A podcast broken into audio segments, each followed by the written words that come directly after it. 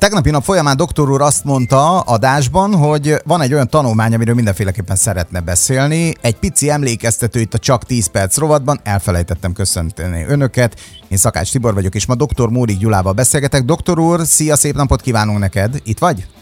Szerbusz, itt vagyok. A tanulmány, amiről tegnap beszéltél, az arról szól, hogy milyen hatással vannak az emberekre a kész ételek. Na hát ugye tegnapi nap folyamán már volt egy olyan hölgy, aki küldött nekünk egy levelet, hogy ő nem igazából szereti az idejét azzal tölteni, hogy ő főzőcskézzel, már pedig te mindig erről beszélsz, és stb. stb. Bár ugye kínáltál alternatívát, kolbász, tepertő, szalonna, stb. ilyenek, ezek bőven beleférnek ebbe a, az étkezési modulba, amit ugye te, te előnyben részesítesz, és hogy ezzel tök jól el lehet lenni. Na hát akkor nézzük már meg ezt a tanulmányt, mert ez azért sokakat érdekel. Na most azért keresgettem korábban ezt a ilyen típusú tanulmányt, mert már nem voltam hajlandó megcsinálni. Tehát sok mindent feláldozok a tudomány oltárán, de hogy hosszú távon rosszul legyek, az, az már nem igazán fér bele. Ugye a múltkor is egy ilyen három-négy napos rosszul levést kellett produkálnom egy saját magamon történő mérés miatt, és már az is nagyon-nagyon Nehezen állsz rá azért ezekre, nem? Hogy... Tényleg nem olyan jó már, tehát én ezt már nem csinálnám, és kiváltképp nem csinálnám hosszú távon. Na most ez az orvoscsoportnak volt egy olyan vállalkozó szellemű tagja, aki vállalta, hogy 45 napig eszik ultrafeldolgozott, tehát erősen feldolgozott lényegében. Én mindjárt meg is nézzük, ő számít, hogy mit evett, én természetesen, az étkezésének 50 kötője 80%-át tették ki ezek az ételek, azért ennyit, mert körülbelül ez az, ami már a világban előfordul. Na most ez egy nagyon fontos, hogy orvosi kutatás volt, és orvosi pontosságú adatrögzítés. Pillancsunk bele. Mikor kezdte, akkor kezdte egy olyan gyors étteremmel, ahol ugye rántott csirke van, és aztán otthonra is vitt mindenféle ilyen előre banírozott mm, csirkemellek és egyéb ilyen talérok történetet. Mi, mi ezekkel a probléma? Mert úgy tűnne, hogy ezekkel most hogy lehet egy csirkével gond. Tehát úgy lehet, hogy ezt ugye valamilyen szinten tartósítani kell, mindig és mindegyikben van valamiféle ízfokozás ahhoz, hogy, hogy ez igazán ízletes legyen neked, aztán van benne egy mérnöki bravúr, hogy az úgy roppanjon, úgy, úgy történjen vele minden, ahogy kell, és van még utána egy jópofa növényi olajas sütés, ami ennek megadja a kegyelemdöfést. És az összetételében a nátriumglutamád, hogy ez mennyire függőséget tud okozni, én hónapokat töltöttem azzal, hogy egy bizonyos étteremláncban kapható ilyen nagyon roppanos kősejű rántott előállítsak, és nem sikerült. Tehát valószínűleg abban vannak még egyéb titkok és, és mérnöki dolgok. Van a tanulmányban a adott kollégától megjegyzések is vannak benne, és, és ennél a részen egy olyan megjegyzés jött, hogy borzalmasan finom, jó enni, még, még, még, nem lehet abba hagyni, ez eteti magát. Tehát ezen érdemes elgondolkodni. Hát hogy, működik hogy, akkor. Így van, hogy voltunk-e már ilyen helyzetben. Én voltam, tehát én hagyszál pontosan tudom, miről beszél, amikor már azzal szoktunk viccelni, hogy már csak a szemem kívánja, de egyébként eszem, mint, a, mint az atom, tehát én sokszor voltam ilyen helyzetben.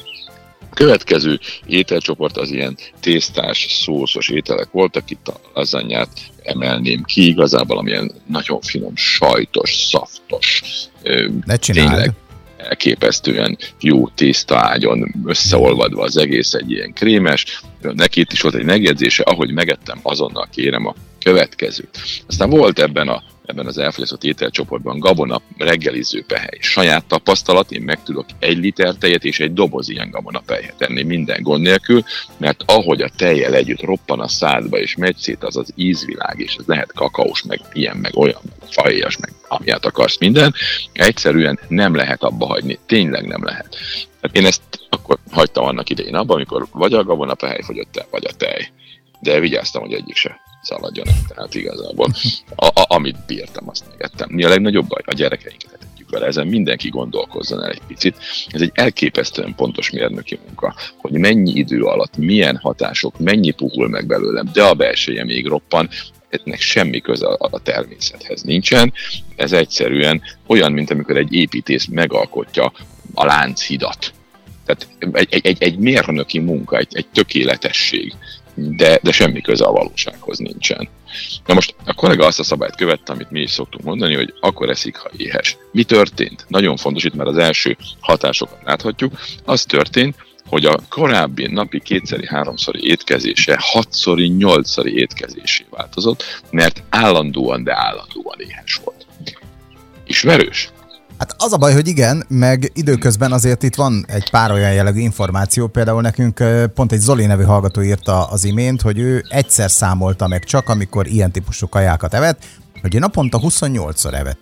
Tehát szinte majdnem, hogy egyfolytába eszik, mert ugye jön, megy, és mindig csipeget. Na most ugye, ha becsületesen feléri ezt az ember, hogy mondjuk elmegyek az asztal mellett, ott van kint mondjuk megint ez a diák csemege, vagy pedig mondjuk ilyen magvak, meg egyebek, stb., és akkor ugye azokból mindig eszegetek egyet, egyet, egyet, ez egy egyfolytába való evésnek minősül, mert hogy mindig éhes, éhes, éhes, és nem bír belőle eleget enni. Most nem csak erre gondoltam, hanem arra is, amit te, te írtál, arra meg azt írták a hallgatók, hogy viszont gyors biztosan gyors. Na most a következőt nézzük már, meg gyorsaság vagy sem.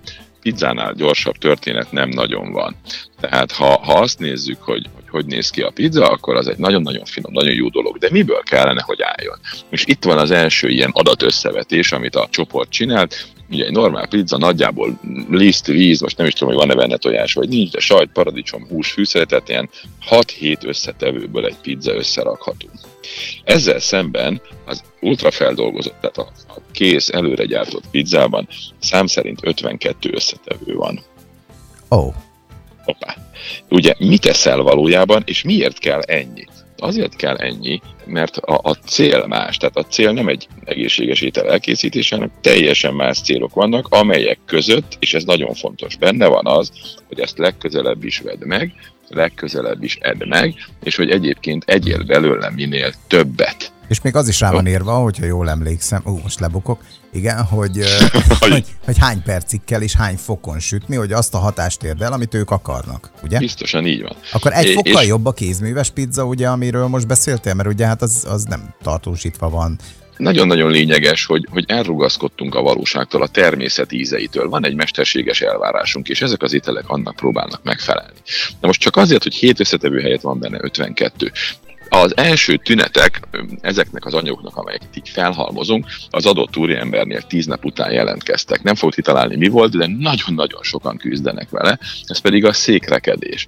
Tehát a székrekedés volt az, amikor 48 órán, 72 órán keresztül nem volt széklet, mert ezek az anyagok elképesztő változásokat hoztak az emésztésben, elképesztő változást hoztak a bélmozgásokban, tehát már probléma volt.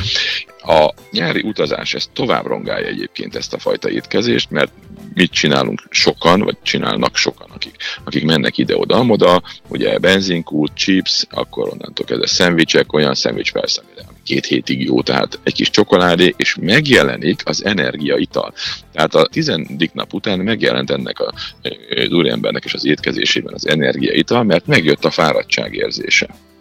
Ő úgy fogalmaz, hogy minden reggel kicsit ilyen másnaposnak érezte magát, ébredés után fejfájása volt, fáradt volt, és gyomorpanaszai voltak.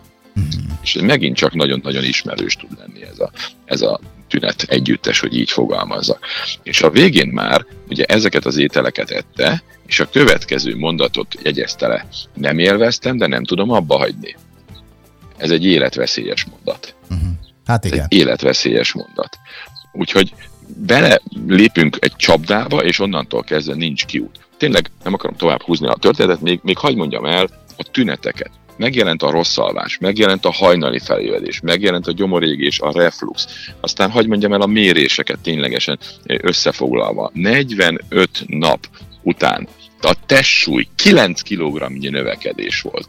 Ebből 5 kg volt a zsír, ugye a, a többi a vízfelhalmozódás és a széklet, tehát még egyszer 45 nap plusz 5 kg három egységnyit növekedett a testtömegindex. Ez egyszerűen borzalom. Tehát borzalom, amilyen hatásot. A hormonok, az éjségért felelős hormonok 30%-kal mentek fel, a jól lakottságot hozó hormonok körülbelül ennyivel mentek le, tehát a rés 60%-kal változott. Az inzulin szint elszállt, a vérzsírok elszálltak, a bél áteresztés megjelent, és a leglényegesebb az agyi változások, és ezzel szeretném zárni. Egy agyi szkennerrel, tehát egy agyi vizsgálattal megnézték az agyban lévő összeköttetéseknek az alakulását ebben az étkezésben. És azt látták, hogy új kapcsolatok alakultak ki az agyban, olyanok, amelyek korábban nem voltak ott. És ez az összeköttetés, ami funkcionális összeköttetés az agyon belül, a jutalmazási központ és az ismétlődő automatikus cselekvéseket felelős központok között alakult ki. Tudod, mi ez? Ez a függőségnek a definíciója. Amikor vágysz valamire, amihez semmi szükséged nincsen, és innentől kezdve függőség fejlődött ki az agyban, egy olyan emberi agyban, aki már 40 év fölött volt. Mi van ott, amikor a gyerekeknél nézzük ezt, a, ezt az egészet? Ez egyszerűen borzalom, mhm. ami, ami, ami ránk vár, ha ezen az úton megyünk tovább. Kettó, Tomi különben jót kérdezett, de már letelt az időnk kétszer, de akkor is ezt még fel kell tennem, hogy Azelőtt milyen étkezést folytattak? Számít-e ez például, vagy pedig egy olyan kardinális markáns változás ment végbe az életükbe, hogy ez ennyire számottevően változott? Ez egy fontos, nagyon fontos kérdés egyébként, de ez is rögzítve van lévén tudományos kutatás. Azelőtt nem haladta meg a feldolgozott ételek mennyisége az adott úriember étkezésében a 20%-ot, innen ment 50-80%-ra. Az gáz, igen. Jó, oké. Okay. Hát ö, vettük az adást. Hát, de jó mondta. Vettük az adást. Így van. Folytatása következik. Nagyon ügyes vagy. Igen, igen. És a folytatása következik természetesen. Most hagyunk téged pihenni, relaxáció, hát a minden, ami a szabadsággal kapcsolatos. Jó, minden jót kívánunk neked, köszönjük szépen, és folytatjuk legközelebb a hallgatóknak is köszönjük. www.csak10perc.hu, ezt még el kell mondanom, itt hallgassák vissza akár ezt az adást is. Doktor úr, köszönjük szépen, szép napot neked! Szép napot mindenkinek!